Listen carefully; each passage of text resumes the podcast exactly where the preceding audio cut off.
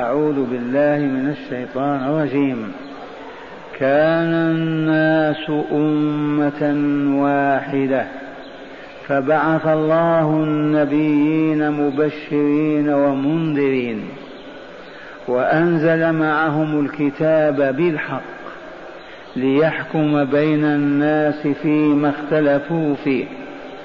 وما اختلف فيه إلا الذين أوتوه من بعد ما جاءتهم من بعد ما جاءتهم البينات بغيا بينهم. فهدى الله الذين آمنوا لما اختلفوا فيه من الحق بإذنه.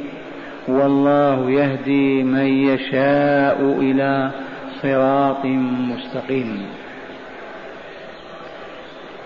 لا مانع من أن نذكر أنفسنا بالآيتين السابقتين في ليلة مضت. تلاوة ثم نذكر هداية الآيتين تعليما وتذكيرا. أما الآيتان فهما بعد أعوذ بالله من الشيطان الرجيم سل بني إسرائيل كم آتناهم من آية بينة. ومن يبدل نعمة الله من بعد ما جاءته فإن الله شديد العقاب.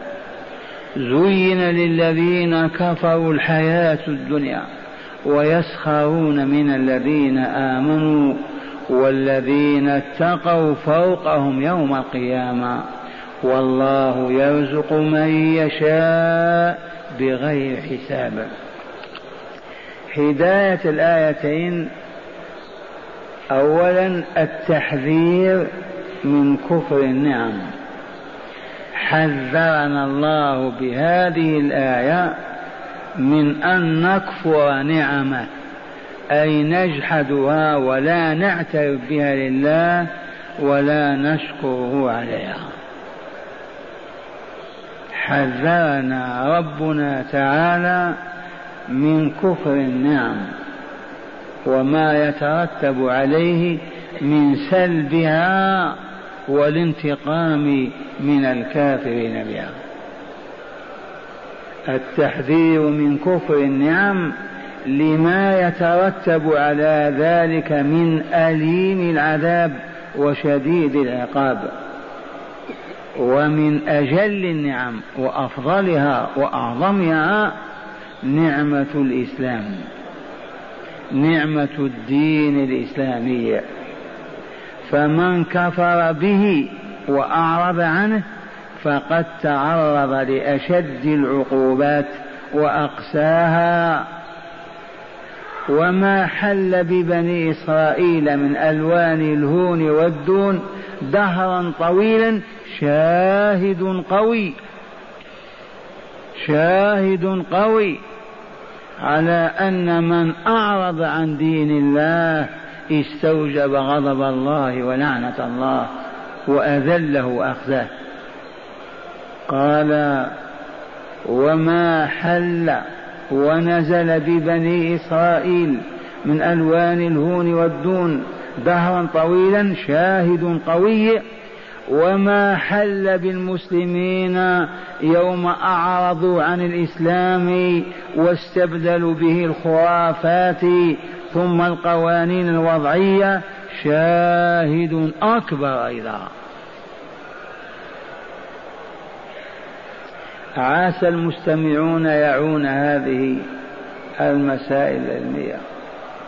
ثانيا التحذير من زينة الحياة الدنيا والرغبة فيها والجمع لها ونسيان الدار الآخرة وترك العمل لها.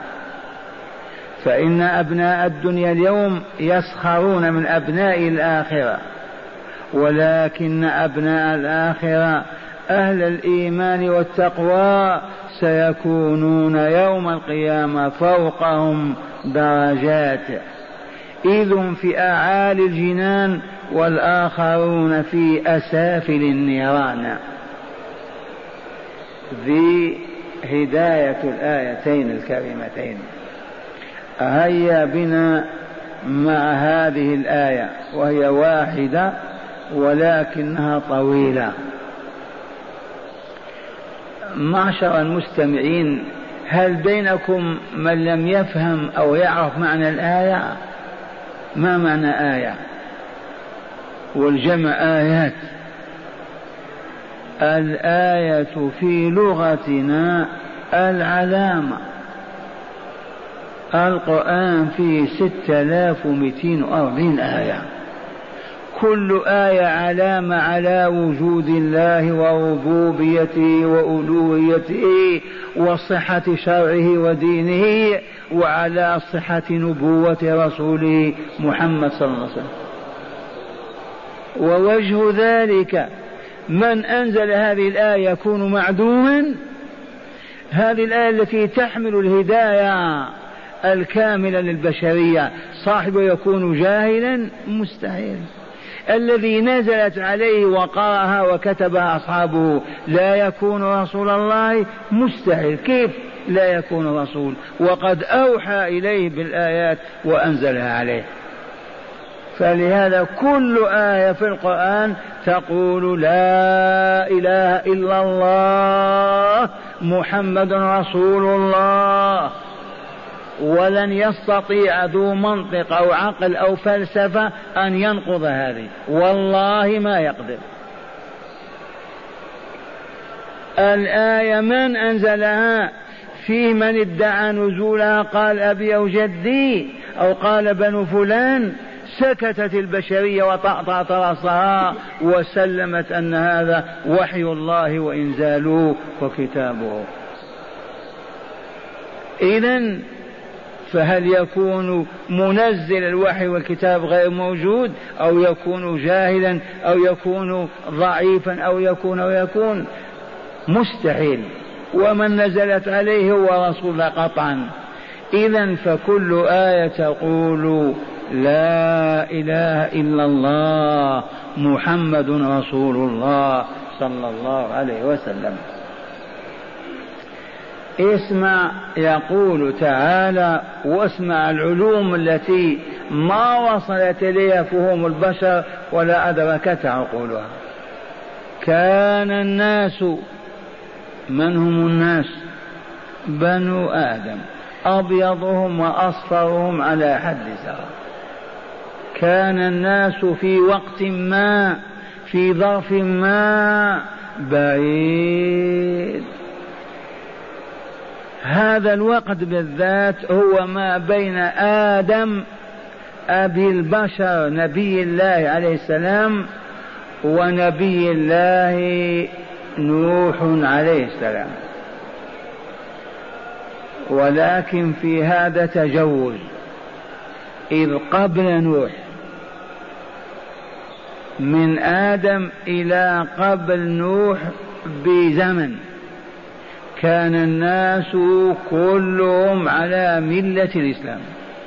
ليس فيهم كافر ولا مشرك ولا يهودي ولا نصراني ولا كلهم على الإسلام. أمة واحدة. لا مذهبية ولا فرقة ولا ولا. حوالي ألف سنة. ثم مكر بهم الشيطان ودس لهم دسائس الخبث واستطاع أن يحولهم من موحدين إلى مشركين. فلما أشركوا إذا استلزم ذلك وجود وحي وكتاب وتعليم. ثم انقسموا ما بين مؤمن وكافر. أما الفترة من آدم إلى قبل نوح بزمن كانت البشرية كلها أمة واحدة. لا فرق بينها ولا خلاف.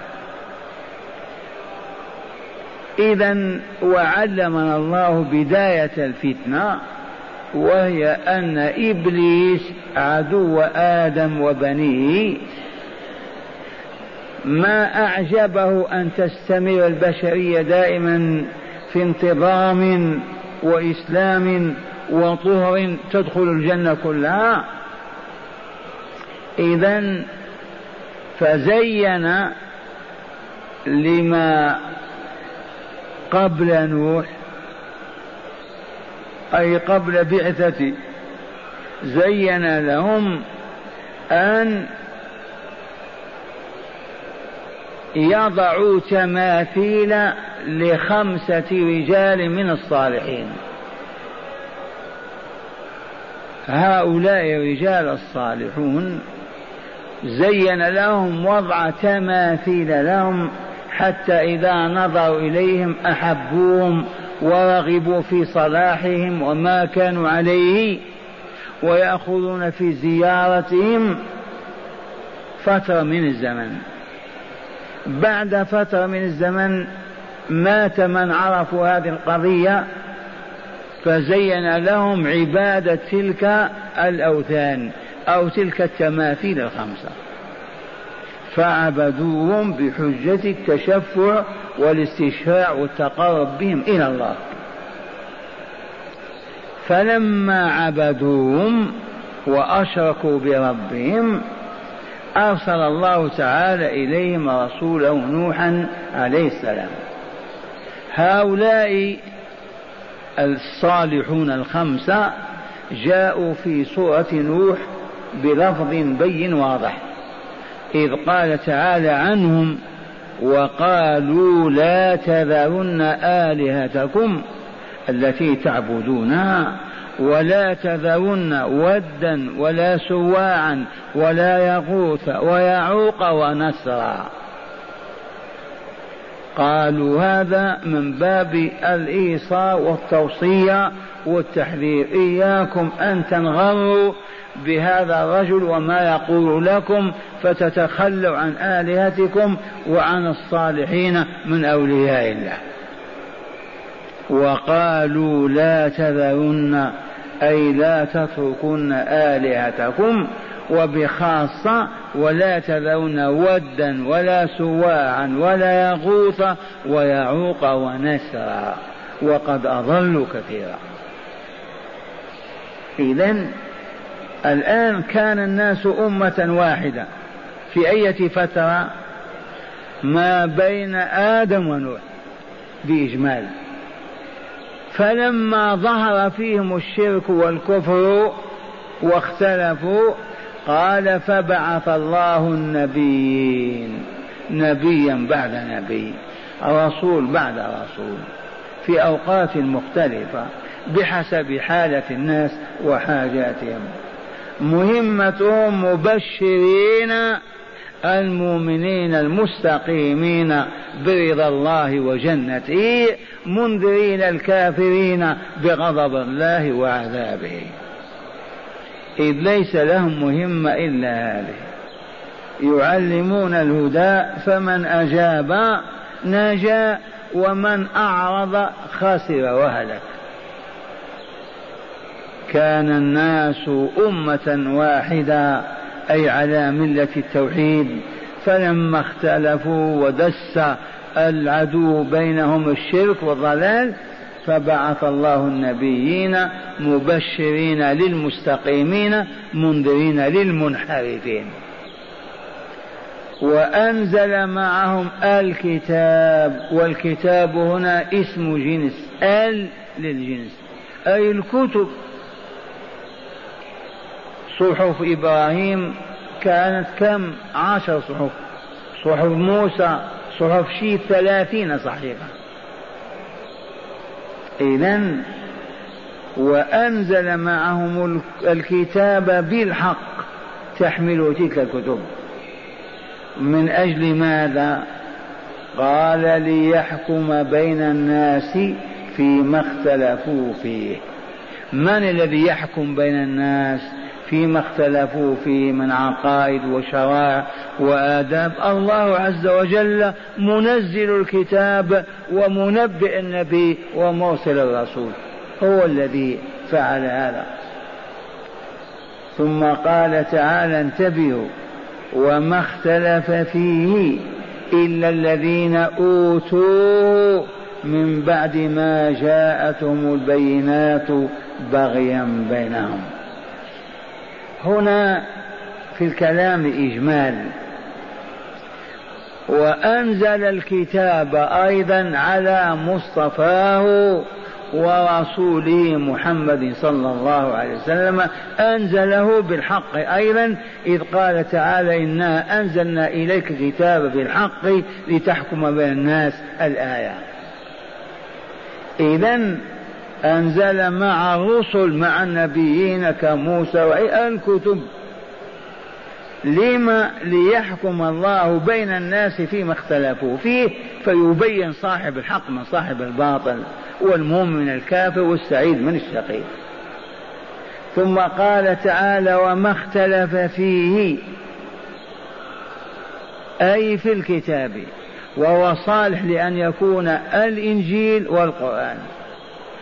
إذ اليهود اختلفوا في الإنجيل وإلا لا وأنكروه وكذبوا به وقالوا في عيسى ساحر وابن زنا.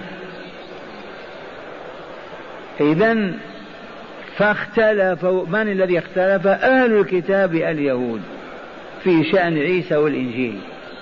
واختلفوا في شأن محمد صلى الله عليه وسلم. وما اختلف فيه الذين أوتوا أي الكتاب من بعد ما جاءتهم البينات والأدلة والمعجزات ساطعة كالشمس تقرر نبوة عيسى ونبوة محمد صلى الله عليه وسلم. لم هؤلاء اليهود وقفوا هذا الموقف؟ قال بغيا بينهم. بغيا بينهم. لأنهم رؤساء ومسؤولون ومسيطرون وقادة والبشرية دونهم فإذا تنازلوا عن مراكزهم الدنيوية التي تحمل شعار الدين والمعرفة والعلم هانوا وأصبحوا كسائر الناس. فعرفوا هذا فأصروا على البغي والعدوان حتى لا ينزلوا من مراكزهم. واليهود من مظاهر ذلك أنهم صرحوا غير ما مر في المدينة بصحة الإسلام وصدق نبوة محمد صلى الله عليه وسلم. لكن قالوا إذا اتبعناه انتهى وجودنا. ما بقي لنا وجود أبدا في العالم. ذبنا في الإسلام. ويشهد لهذا أنهم كانوا يستفتحون على الذين كفروا من الأوس والخزرج ويقولون لهم إن نبيا قد أضل زمانه وسنؤمن به ونتبعه ونقاتلكم قتال عاد وإرم لما يقع شجار أو نزاع بين الأوس والخزرج واليهود يقولون لهم هذا. قال تعالى فلما جاءهم ما عرفوا كفروا به فلعنة الله على الكافرين. بئس ما اشتروا به أنفسهم. إذا يقول تعالى وما اختلف فيه في الكتاب الذي أنزلناه على عيسى ومحمد صلى الله عليه وسلم إلا الذين أعطوه أوتوه من بعد ما جاءتهم البينات. من هؤلاء؟ اليهود. وذلك بغي أي من أجل البغي بينهم. فهدى الله الذين آمنوا لما اختلفوا فيه. فهدى الله الذين آمنوا لما اختلف فيه أهل الكتاب اليهود. من الحق بإذنه. وهنا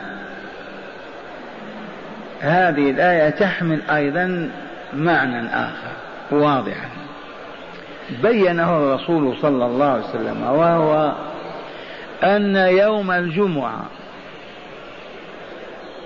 هذا اليوم الذي خلق الله فيه آدم وأهبطه إلى الأرض فيه. وهو الذي تقوم فيه الساعة. أفضل أيام الأسبوع يوم الجمعة. هذا اليوم عرض على اليهود. فرفضوه. وردوه على أنبيائهم. واختاروا السبت. فكان لهم السبت. فكانوا يعبدون الله فيه بعبادات مشروعة مبينة من قبل الشارع. جاء النصارى من بعد. فرفضوا الجمعة ورفضوا السبت. ورضوا بالأحد. فعالم النصارى عالم الصليب الكل يقدس الأحد. والكل يعبدون الله بتلك العبادة الباطلة في كنائسهم يوم الأحد. فهذا اليوم الفاضل العظيم اختلفوا فيه. فهدى الله أمة الإسلام إليه ولنستمع. قال فهدى الله الذين آمنوا لما اختلفوا فيه من الحق بإذنه. من الذي هدانا؟ الله عز وجل. والله يهدي من يشاء إلى صراط مستقيم. والصراط المستقيم هو الذي لا اعوجاج فيه هو الذي ينتهي بالسالكين إلى دار السلام. إنه الإسلام. والله يهدي من يشاء هدايته إلى أين؟ إلى المسيحية أو اليهودية أو المجوسية. إلى الإسلام وسماه الصراط المستقيم. وعلمنا كيف ندعو الله ونقول اهدنا الصراط المستقيم. أي ثبتنا على سلوكنا ومشيتنا وسيرنا على الإسلام حتى ننتهي إلى دار السلام. اذا مره ثانية تاملوا هذه الآية الكريمة قبل أن نأخذ في شرحها. كان الناس أمة واحدة. على الإسلام على التوحيد. في بداية أمر الحياة قرابة الألف سنة. فبعث الله النبيين مبشرين ومنذرين. لما؟ لما اختلفوا وتناحروا وظهر الكفر والإيمان بعث النبيين. هذه الفاء لها معناها. كان الناس أمة فاختلفوا فبعث الله النبي أو فضلوا فبعثا لهدايتهم. إذ من رحمة الله تعالى بعباده وهو أرحم بهم من أنفسهم. لا يريد لهم البلاء ولا الشقاء ولا الأذى. يريدهم أن يذكروه ويشكروه وهذه علة خلقهم خلقه لهم. كررنا هذا المعنى لو تسأل لما خلق الله الجنة والنار؟ لما خلق الله السماوات والأرضين لما خلق الله هذه العوالم؟ الجواب خلقها للإنسان. والإنسان لما خلقه؟ ليذكره ويشكر أراد الله عز وجل أن يذكر ويشكر. فأوجد هذه العوالم لابن آدم وأوجد الجنة لأوليائه والنار لأعدائه لعلمه أنهم سيعادونه ويحاربونه وشرع لهم الذكر والشكر. خلقتكم لهذه المهمة. وفي القرآن وما خلقت الجن والإنس إلا ليعبدون والجن تابعين للإنس. لا يستقلون. وفي حديث قدسي يا ابن آدم لقد خلقت كل شيء من أجلك وخلقتك من أجلي. ماذا يفعل الله بنا؟ يريد منا أن نذكره ونشكره. نذكر بقلوبنا وألسنتنا طول الحياة ونشكر بطاعتنا له. بفعل الأوامر وترك النواهي وفعل الأوامر من شأنه تزكية نفوسنا وتطهيرها وترك النواهي شأنها من شأن أن يبقى لنا طهرنا وصفاؤنا. فعل الأوامر به تنتظم حياتنا في المأكل والمشرب والملبس والمركب. ترك النواهي من شأنها أن تبقي صلاحنا في حياتنا في طعامنا في لباسنا. ما خلق الله شيئا عبثا. تعالى الله علوا كبيرا عن اللهو والعبث. وما خلق السماوات والأرض وما بينهما لاعبين. ما خلقناهما إلا بالحق. ولكن أكثرهم لا يعلمون. كان الناس أمة واحدة اذا فاختلفوا. ظهر الشرك وبدأ بقوم نوح. نوح عاش فيهم ألف سنة إلا خمسين عاما. وهو يدعو إلى الله ويلون الدعوة. مرة يسر مرة يعلن مرة يدعوهم مجتمعين مرة يدعوهم متفرقين. ألف سنة كانت الحصيلة ثلاثة وثمانين مرأة ورجل. على قدر حمول تلك السفينة. ثلاثة وثمانين رجل ومرأة. ألف سنة إلا خمسين عاما. وعابوه وقالوا فيه وفعلوا العجب. لولا حماية الله لقتلوه. لكن القول قالوا لا تسأل عن أقوالهم. ماذا قال؟ كانوا إذا تكلم معهم ماذا جعلوا أصابعهم في آذانهم واستغشوا ثيابهم. ما نريد أن نسمع ولا نرى وجهك. يدخلون أصابعهم حتى ما يسمعوا. يدخلون ثيابهم معك حتى لا يشاهدوا. ما نريد أن نرى وجهك. اذهب عنا اتركنا. تسعمائة وخمسين عام.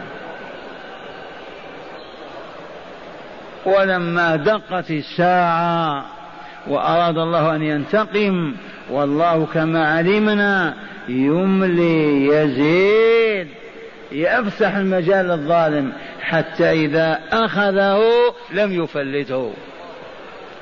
وكذلك أخذ ربك إذا أخذ القرى وهي ظالمة إن أخذه أليم شديد. إذا فما كان منه تعالى إلا أن أمره بأن يصنع فلكا وجبريل يساعده أو ميكائيل وكانوا يمرون عليه ويسخرون به. يا نوح تأتي بالبحر هنا وإلا تنقل هذه إلى البحر. كلما مر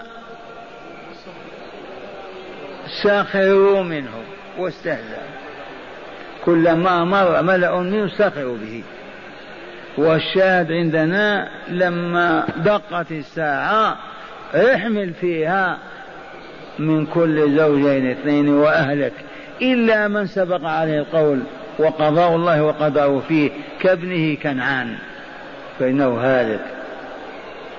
ورست السفينة على جبل الجود وقد عثر عليها في قرون متأخرة والشاهد عندنا أملى لهم ألف سنة تقريبا. والدعوة بينهم وهم يسخرون ويضحكون ويستهزئون و و و رسل آخرون ما أعطاهم هذه الفترة. عاد قوم عاد كانوا جبابرة الأرض. واقرأوا إرم ذات العماد التي لم يخلق مثلها في البلاد. كان طولهم لا تستطيع قريب من ستين ذراع. كأبينا آدم عليه السلام. لأن آدم لما صنعه الله وخلقه كان طوله ستون ذراع. ستين ذراعا. ولا يزال الخلق ينقص ينقص ينقص إلى اليوم. فنحن بالنسبة إلى آدم أقزام. وفينا من هو مثل قزم تماما. ويزيد ينقصون. عاد كانوا في القرون الأولى. تبهتم إذا كانوا عجبا. ولكن ما فعل الله بهم فقط عاصفة. سبع أيام سبع ليالي وثمانية أيام. عاصفة والمساحة التي خرجت منها قالوا كعين المسلة أو الإبرة فقط. فما تركت دارا ولا بناء ولا ولا ولا تركتهم كالنخيل المحطمة كأنهم أعجاز نخل خاوية. فهل ترى لهم من باقية ولا أحد؟ حتى إن عجوزا دخلت في غار في الجبل وظنت أنها نجت. دخلت الريح كاللولب وأخرجتها وصرعتها على الجبل. وما زال المؤرخون يقول هذه قارة العجوز. أيام هذا الأيام معروفة عند العرب. القارة من البرد يوم كذا هو قارة العجوز. آخر يوم من السبع أيام. إذا ثمود وراءنا على ستمائة كيلو. لما ناجى المؤمنون مع هود عليه السلام نزحوا إلى الشمال واستقروا في تلك الأماكن وطالت الحياة وأصبحوا أمة كأمة عاد. وحسبك أن تشاهد آثارهم في تحويل الجبال إلى منازل وقصور. أين الآلات التي كانت عندهم؟ إلى الآن مجاهدة. فلما أعرضوا عن ذكر الله وتعالوا وتكبروا وسخروا من صالح أيضا وقالوا يا صالح ائتنا بما تعدنا إن كنت من الصادقين. وقالوا إن كنت تزعم أنك رسول اسأل ربك أن يخرج لنا ناقة من هذا الجبل. تحدي واضح للأموال والنعيم. فقام يصلي ويدعو فتصدع الجبل وخرجت منه ناقة عشراء لم ترى الدنيا مثلها. هذه ناقة الله لكم آية. فذروها تأكل في أرض الله ولا تمسوها بسوء فيأخذكم عذاب أليم. وجعل الماء قسم بينهم. لها شرب ولكم شرب يوم معلوم. حتى ما تختلطوا معه.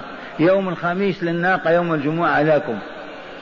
فما كان منهم إلا أن تمالوا وتآمروا وعقروها فلما عقروها دقت الساعة.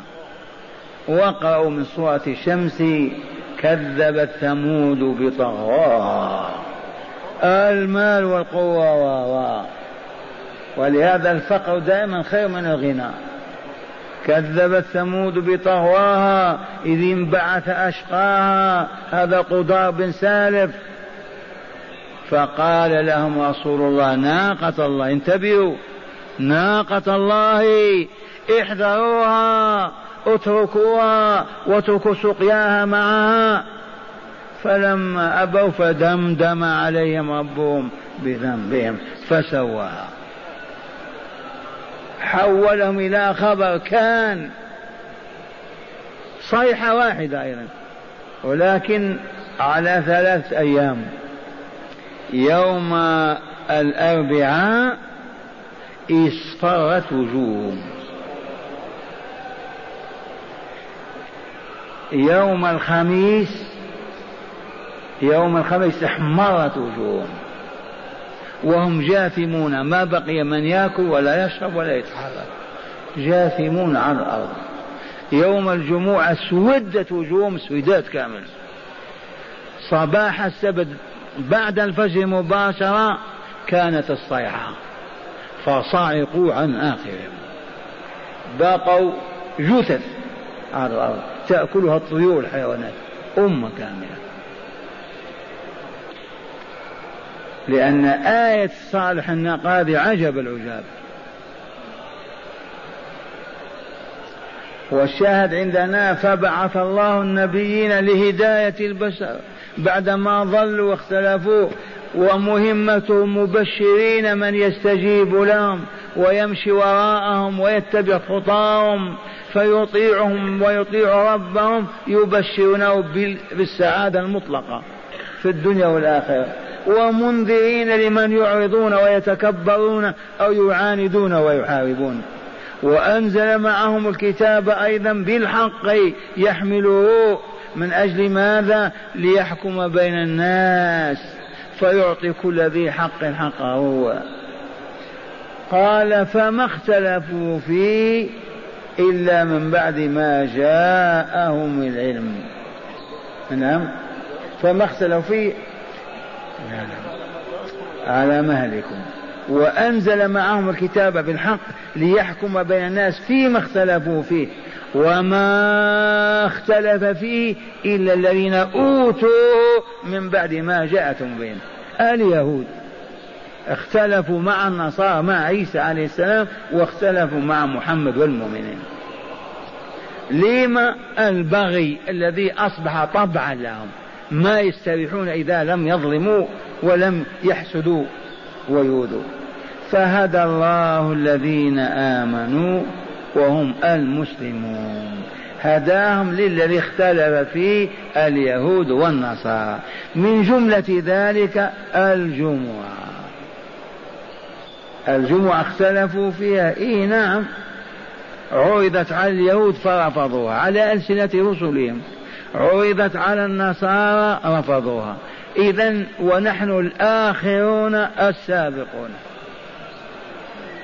والآن معنى الآية الكريمة في الشرح. قال يخبر تعالى أن الناس كانوا ما بين آدم ونوح عليهم السلام في فترة طويلة كانوا أمة واحدة على دين الإسلام. لم لم يعبد بينهم إلا الله تعالى. عهد آدم قريب كان عند الله. مع زوجته وأولاده إذا العهد ما هو بعيد. إذا يخبر تعالى أن الناس كانوا ما بين آدم ونوح عليهما السلام في فترة طويلة كانوا أمة واحدة على دين الإسلام لم يعبد بينهم إلا الله تعالى. حتى زين الشيطان لبعضهم عبادة غير الله تعالى فكان الشرك وكان الضلال. والشيطان هذه مهمته. أما زين لقوم لوط كما علمتم أفحش فاحشة. ما عرفتها الدنيا قط. ومع هذا علمهم إياها. فكانوا يأتون في أنديتهم. أمام بعضهم البعض والعياذ بالله. إذا فزين الشيطان لهم لبعضهم عبادة غير الله تعالى فكان الشرك وظهر الضلال. إذا فبعث الله تعالى لهدايتهم نوحا عليه السلام. نوح عليه السلام. فاختلفوا إلى مؤمن وكافر وموحد ومشرك. وتوالت الرسل تحمل كتب الله تعالى المتضمنة الحكم الفصل في كل ما يختلفون فيه.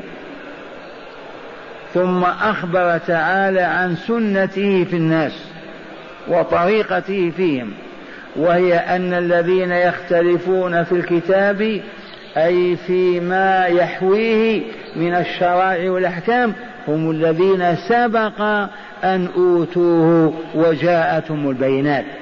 فهؤلاء يحملهم الحسد وحب الرياسة والإبقاء على مصالحهم على عدم قبول ما جاء به الكتاب. فاليهود لما رفضوا القرآن ونبيه؟ جاء بالهدى ولكن معناه يسلبهم مناصبهم ومراكزهم وينتهي ما كانوا يعبدون الله به ويعبدون الله بالإسلام وهذا لا يريدونه. وقد أفصحوا وتجلت هذه الحقيقة. هم يعملون على إعادة مجد بني إسرائيل وحكمهم ودولتهم. فالدين مجرد تمسح فقط وإلا الاتجاه الحقيقي أن يعود لهم ملكهم ودولتهم. هذا السبب الوحيد الذي رفضوا به قبول الإسلام وإن لم يصرحوا به. الإسلام قال نحن في غنى عنه. عندنا دين الله وكتاب الله لسنا في حاجة إلى هذا.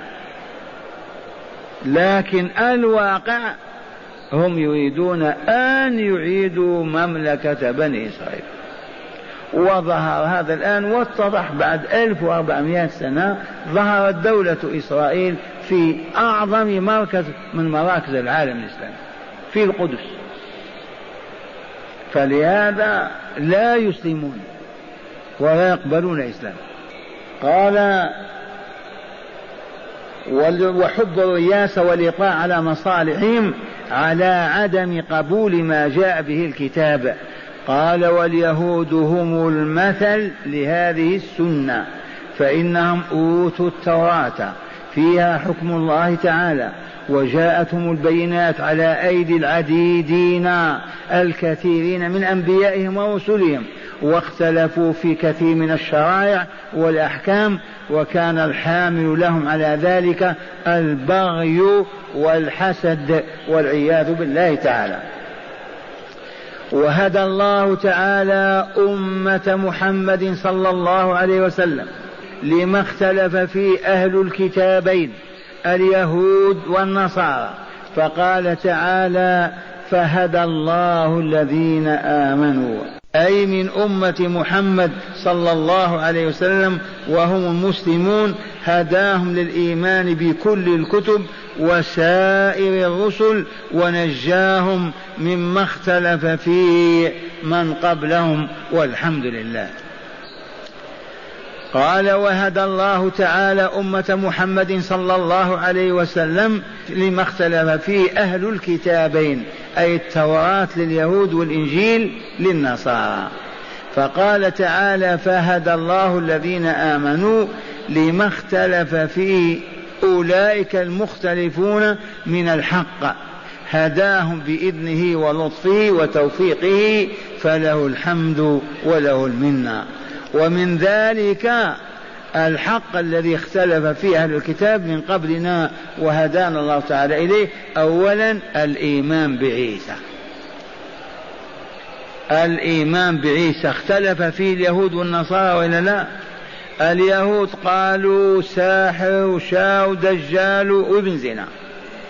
وكفروا به وعزموا على قتله وقتلوا من مثل لهم به. وجعلوه كما تعرفون. النصارى قالوا هو الله وابن الله وثالث ثلاثة مع الله وتاهوا في متاهات لا حد لها. هذا اختلاف واضح. وهدى الله هذه الأمة فقالوا عيسى عبد الله ورسوله. والله لعبد الله ورسوله. ما هو بلا ولا ابن الله ولا ساحر ولا دجال ولا كذاب. إذا الإيمان بعيسى عبد الله ورسوله حيث كفر به اليهود وكذبوه واتهموه بالسحر وحاولوا قتله. وألهه النصارى وجعلوه إلها مع الله. وقالوا فيه إنه ابن الله. تعالى الله تعالى الله عن الصاحب والولد. ما اتخذ الله ولدا. هذا واحد. ثانيا يوم الجمعة وهو أفضل الأيام. أخذ اليهود السبت والنصارى الأحد وهدى الله تعالى إليه أمة الإسلام. جينا بعدهم والا لا؟ المفروض هم الذين ياخذونه ثالثا القبلة. القبلة قبلة أبي الأنبياء إبراهيم. ما هي قبلة إبراهيم؟ الكعبه أليس هو الذي بناها اول من بناها؟ اذا استقبل اليهود بيت المقدس واستقبل النصارى طلوع الشمس أو مطلع الشمس إلى الآن. وهدى الله أمة الإسلام إلى استقبال البيت العتيق قبلة إبراهيم عليه السلام. والله يهدي من يشاء إلى صراط مستقيم. لو شاء الله هدايتهم لهداهم أي اليهود والنصارى. لكن لما تمردوا وكفروا واحتالوا ومكروا ما يشاء هدايتهم. ورأى هذه الأمة مقبلة على الله تريد رضاه فهداها إلى القبلة الحقة إذ صلى النبي صلى الله عليه وسلم هنا حوالي سبعة عشر شهرا. إلى بيت المقدس. وكان يتطلع إلى قبلة الكعبة حتى أنزل الله قرآنا واضحا في هذا وحيث ما كنتم فولوا وجوهكم شطرة.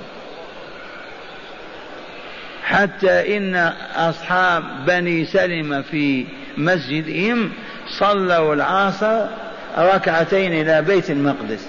وجاء من قال إن القبلة تحولت فصلوا ركعتين الأخيرتين إلى الكعبة. إذا عرفنا الأمور التي اختلف فيها أهل الكتاب وفزنا بها نحن. الأمر الأول ماذا؟ عيسى عليه السلام. ماذا قال اليهود فيه؟ ساحر ابن زنا. وحاولوا قتله ولا لا؟ وقتلوه. حكم حكم من قتل؟ لأن عيسى رفع والذي تمثل به قتلوا وصلبوا الثانية الجمعة. اختلفوا في أفضل الأيام وأقدسها وأطيبها فأخذ اليهود السبت والنصارى الأحد والمسلمون هداهم إلى ماذا؟ إلى الجمعة. تدرون ما يوم الجمعة فيه ساعة. لا يوافقها مؤمن يصلي ويسأل الله شيئا إلا أعطاه. وهات أكتب لك بذلك صكا ساعة لا يوافيها مؤمن يصلي ويدعو الله وسأل الله شيئا إلا أعطاه. هذه فقدها الفريقان اليهود والنصارى. الثالثة القبلة اختلفوا فيها ولا لا؟ النصارى مطلع الشمس اليهود بيت المقدس وهدى الله المسلمين إلى قبلة أبيهم إبراهيم. الحمد لله. هداية هذه الآية كالمراجعة لما علمتم. أولا الأصل هو التوحيد والشرك طارئ على الشريعة. افهم. الأصل هو التوحيد ولا لا عبد الله آدم وأولاده وأحفادهم. ألف سنة ما في شرك. الأصل هو التوحيد ولا لا والشرك طرأ بوسواس الشيطان وتزيينه فالأصل ما هو؟ التوحيد. ثانيا الأصل في مهمة الرسل أمران. البشارة لمن آمن واتقى والنداء لمن كفر وفجر مهمة الرسل ما هي؟ تتجلى في أمرين البشارة والنذار البشارة لمن؟ لمن آمن واتقى. والنذار لمن كفر وفجر. وقد يشرع لهم قتال من يقاتلهم فيقاتلونه كما شرع ذلك لرسوله صلى الله عليه وسلم. ثالثا من علامات خذلان الأمة وتعرضها للخسار والدمار أن تختلف في كتابها ودينها. فيحرفون كلام الله ويبدلون شرائعه طلبا للرياسة وجريا وراء الأهواء والعصبيات. وهذا الذي تعاني منه أمة الإسلام اليوم وقبل اليوم وكان سبب دمار بني إسرائيل. هذا واقع مذاهب متعددة هابطة في الأمة. رابعا أمة الإسلام التي تعيش على الكتاب والسنة عقيدة وعبادة وقضاء هي المعنية بقوله تعالى فهدى الله الذين آمنوا لما اختلفوا فيه من الحق بإذنه. أمة الإسلام التي تعيش على الكتاب والسنة. الكتاب القرآن والسنة سنة الرسول صلى الله عليه وسلم وطريقته. وذلك عقيدة وعبادة وحكم. هذه هي الأمة المعنية بقوله تعالى في هذه الآية فهدى الله الذين آمنوا لما اختلفوا فيه من الحق بإذنه والله يهدي من يشاء إلى صراط مستقيم. خامسا الهداية بيد الله. الهداية بيد الله. فليطلب العبد العبد دائما الهداية من الله تعالى بسؤاله المتكرر ليل نهار أن يهديه دائما إلى الحق. والله يهدي من يشاء. من هو الذي يشاء الله هدايتهم؟ الطالبون الراغبون الملحون الذين يقعون باب الله يسألونه هداية هو الذي يهديهم. المعرض والمتكبر ما يهتدي.